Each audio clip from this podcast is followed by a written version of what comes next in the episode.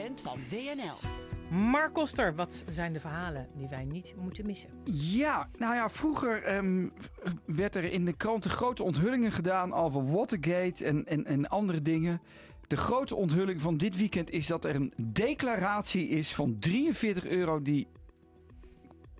Ik zwaaide nog even. Ja. Hallo, daar. nee, die, uh, die, die meneer Krol van de 50 plus waar die zat, niet heeft gedecoreerd. Ik dacht de NRC... Niet de, heeft nee, nee, nee, Dus de NRC die, die, die opent me. Ik dacht, nu hebben ze een verhaal. Het volgende verhaal over Henk Krol. Ik ga dat lezen. En Margreet, het ging over 500 euro. De Volkshand ronkt ook lekker mee. Dus ik dacht, ja, vroeger, grote onthulling in de politiek. Waar zijn we beland? Dus toen ben ik dat helemaal gaan lezen. En ja, toen bleek dus dat het echt om tientjeswerk ging. En nog niet eens dat het aangetoond was. Want die declaratie die hij had ingediend die had hij wel met 50 plus ingediend, hè, waar hij de baas was. Maar dat zou dan een ambi zijn, een stichting. Dus hij kon het ook nog twee keer indienen. Het was niet eens onrechtmatig. Dus uh, ja, ik, ik vond dat raar. Ik dacht ook zelf, ja, mensen dat, dat Kool dat doet, vind ik altijd een beetje klein. Maar dat er dan journalisten zijn die dat zo opblazen, vond ik dan ook weer heel klein. Dus ik vond dat eigenlijk een onthulling wat die helemaal niets voorstelde. Ik heb dat ook met andere mensen besproken. Ja, vind je dat nou wat voorstellen? Vind ik niks voorstellen. Je had het gewoon niet gebracht. Nou, ik had misschien wel gebracht, maar met, met meer humor of zo. Het was zo bloedserieus. 43 euro voor stroopwafels. Ja, het is te lullig voor woorden, maar ik, ik zou zeggen... maar serieus, stroopwafels, dat is toch typisch iets wat je cadeau doet? En dat kan toch? Dat je, dat je denkt, nou, dit is voor die, uh, dat neem ik mee. Als ja, je op, en dan op een reisje dat, gaat. Is dat zo gek? Ja, dat, dat je dat bonnetje indient vind ik al een beetje klein van Henk Krol. Maar dat er dan journalisten zijn die daar dan twee man op zetten en dat gaan uitzoeken. Ik vond het een beetje triest. Weet ik niet. Als je naar een bejaardenhuis gaat, stel... Uh, en moet je dat dan zelf betalen als politicus? Uh, als je dan een geste. Ik bedoel, is het zo fraude? Dat, dat nee, nee, zelfs het, dat is niet fraude, maar het, het bedoelt geronken. Het, leek wel ik dacht, nou, nu, dus nou gaat Henk Krol recht aan. Nou, de NRC heeft het hoor. There he goes. Het was helemaal niets. Dus ik vind dat... Uh, ja, was een neus. Goed. Was een neus. Dan was de trouw beter. En die hadden op de voorpagina... Of nee, dat was, ze hadden het niet op de voorpagina. Kies Kompas, een groot onderzoekskantoor, had onderzocht... in hoeverre mensen in complotten geloven. Nou, jij weet niet, houdt niet van quizvragen. 8000 man ondervraagd. Waren er toch 800 die volmondig zeiden... Ja, ik, ik geloof daar wel in. En een paar complotten zou eruit bestaan... dat het toekomstige vaccin als dat wordt aange, hè, als wordt toegediend, dan wordt er ook daarbij een chip bij je ingediend. Nou, daar geloven dus mensen in 10%, gelooft in die waanzin. En er zijn ook mensen die zeggen dat het COVID-19-virus is ontwikkeld door de farmaceutische industrie. Bill Gates zit erachter. Hè. Gelooft ook een heleboel mensen in. Het interessante aan hierin hieraan is dat André Krauwe, politicoloog en initiatiefnemer van de Kieskompas, die zegt dat de extremisten op links en rechts meer in complotten over geloven dan de middenpartijen. Aanhangers van complottheorieën vind je het minst bij PvdA, VVD, D66, GroenLinks, ChristenUnie en CDA. Dat zijn voor een mooi woord systeemgelovigen. Dat zijn mensen die nog wel wat, die nog wel geloof hebben in de goede wil van politici en die ook denken dat democratie nog wel een beetje waarde heeft. De, maar wacht even hoor, André Krauw heeft het over extreem links en extreem rechts. En dan bedoelt hij onze eh, politieke partijen in Nederland. Nou, hij bedoelt dus dat, dat, de, de, meer, de aanhangers van de eh, PVV, Forum en Partij voor de Dieren en de uh, SP, die wat meer aan de linkerkant, dat okay, daar... Dus gewoon linker. De, linker, de linkerkant linker, van de, de linker van uitwassen en de rechterkant van rechts. ik noem uitwassen. Ik is gewoon, niks. Ja, maar goed, dus hij daar zit daar zitten meer de complotdenkers. Hè, die, die, die Partij voor de Dieren, daar zitten die anti-vaccin types een beetje. Dus die, die coalitie die is interessant. Ik vond het interessant. Maar wij zijn liberalen, hè, Margreet? ja. Elke week opnieuw moeten we dat hier wel vertellen bij WNL. Het is natuurlijk absurd dat Maurice de Hond, die een beetje in die complothoek zou zitten volgens sommigen, met zijn aerosolenverhaal. Ik weet niet of dat een complot is. Uh, het wordt nou nu wel echt wel serieus onderzoegd. En er zijn theorie, experts uh, die, die denken, nou laten we, het, laten we het gewoon onderzoeken. Dus dat is toch wel heel wat anders dan een complot. Ik, nou, ik ben het helemaal met je eens. Maar het interessante is dat Maurice Hond, die op LinkedIn een grote aanhang heeft met zijn theorieën. Hè, en eh, in, ook in de alternatieve wereld die theorieën verspreidt. En soms boos is dat hij dan niet bij eh, eh, de NPO zit of hier misschien bij WNL. Volgens mij heeft hij zijn paar keer verteld. Het meest bizarre, en daar zijn we dan, althans daar ben ik tegen, ik weet niet hoe jij er tegen aankijkt, dat hij op LinkedIn, daar is zijn adres gewijze, geweigerd.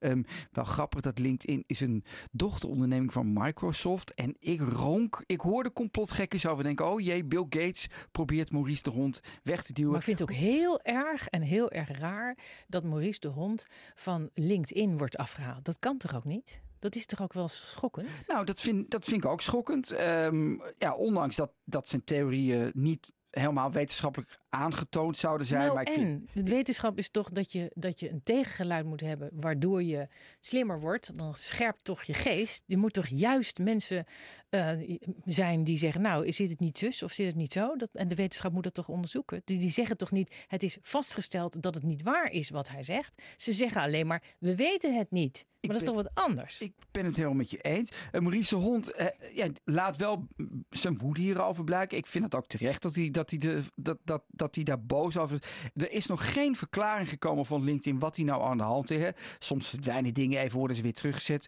Maar dat, dat vind ik wel raar en ook wel uh, Heeft LinkedIn het bevestigd dat zij het hebben weggehaald? Of dat is, is, niet bevestigd. Uh, Maurice de Hond zegt, ik ben weggehaald. Ik heb ook nog gecheckt of dat echt niet zo was. Want er ging ook weer het gerucht dat hij was teruggezet. Hij is er niet. Ik vind dat uh, verwerpelijk en raar dat LinkedIn nu even bepaalt dat Maurice Hond zijn theorie misschien weliswaar niet helemaal wetenschappelijk bevestigbaar. Een interessante theorie. Zeker interessant. zeker interessant. En ook uh, artsen, witte jassen, laten we zeggen, uh, hebben de, sommige daarvan hebben deze theorie ook omarmd. Dus zou ik zeggen, nou, laat staan. Laat mensen daarop reageren. En het voedt ook wel weer de complotgekkies, die 10%, waar wij dan natuurlijk niet toe behoren. Maar die gaan, die gaan natuurlijk daar wel weer op stampen. Nou ja, weet je, maar, maar zo'n tekst, daar moet je ook mee oppassen met complotgekkies. Laten we gewoon niet zo snel zeggen dat iemand een complotgekkie is. Maar gewoon serieus even kijken van zou er wat in kunnen zitten in plaats van iedereen maar zo wegzetten. Dat is ook gevaarlijk. Ik voel me enorm schuldig dat je dat zegt. Uh, nee, hoeft niet. Hoeft niet.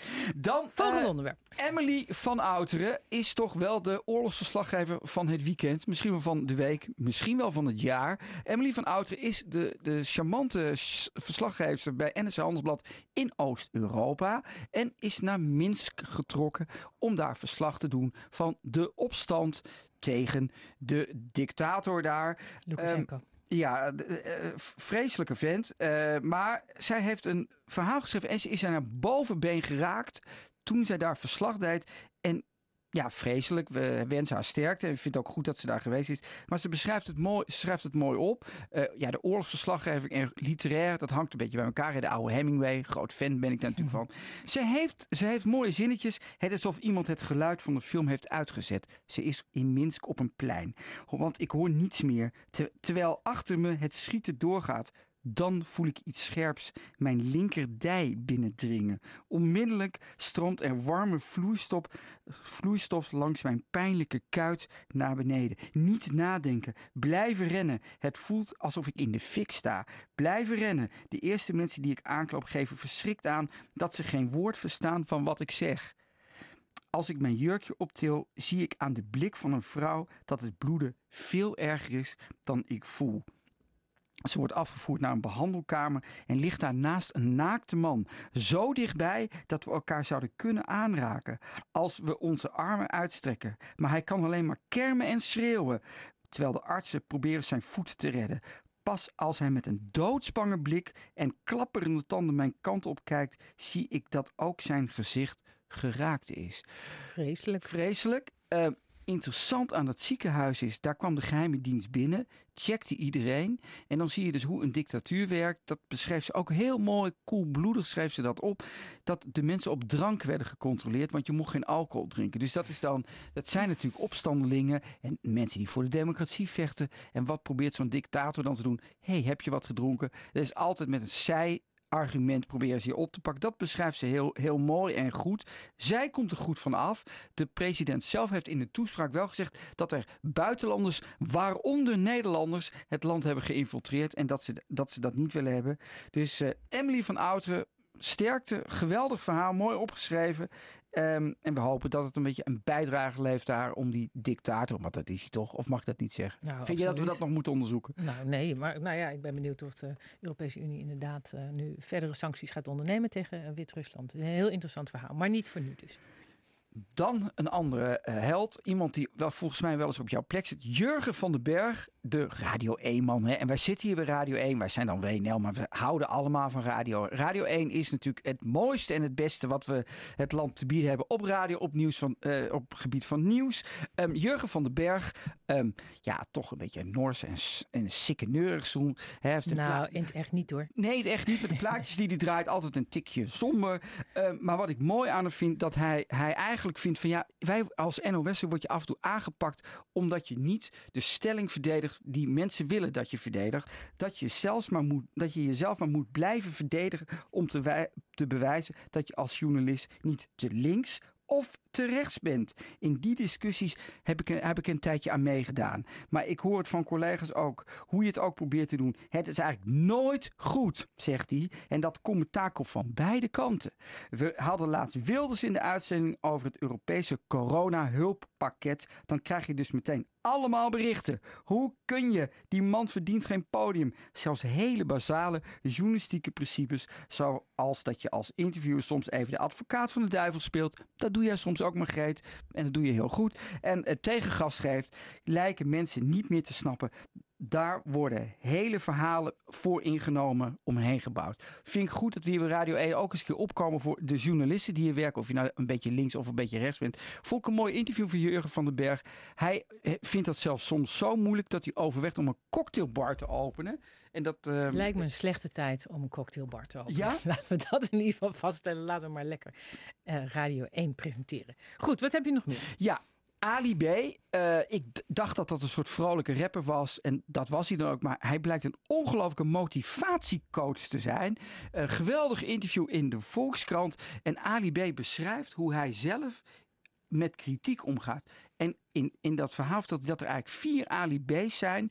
Hoe, hoe die de, uh, de, iemand geeft kritiek en dan gaat hij beschrijven hoe hij het doet. Kijk, als ik kritiek krijg en mezelf daarover opwind, sta ik op positie 1 dan voel ik wat ik voel. Als ik vervolgens naar positie 2 loop, zie ik mezelf in die eerste positie staan. Dan heb ik meteen een hekel aan die gast, aan, die, eh, aan hemzelf. Dan denk ik, wat een sukkel. Kijk nu eens naar die slachtoffer met zijn emoties. Dan ga ik naar positie 3. Daar vandaan denk ik over de man op positie 2, dat die geen haar beter is, omdat hij veroordeelt. En dan kom ik bij positie 4. Die gaat proberen te bemiddelen tussen al die drie. Zo heb ik een soort van overzicht op mijn innerlijke dialoog. Het is heel, heel interessant en uh, weer, nou, heel spiritueel ook. Zo wordt, zo wordt het in zelfhulpboeken ook beschreven. Dankjewel, uh, Mark Koster.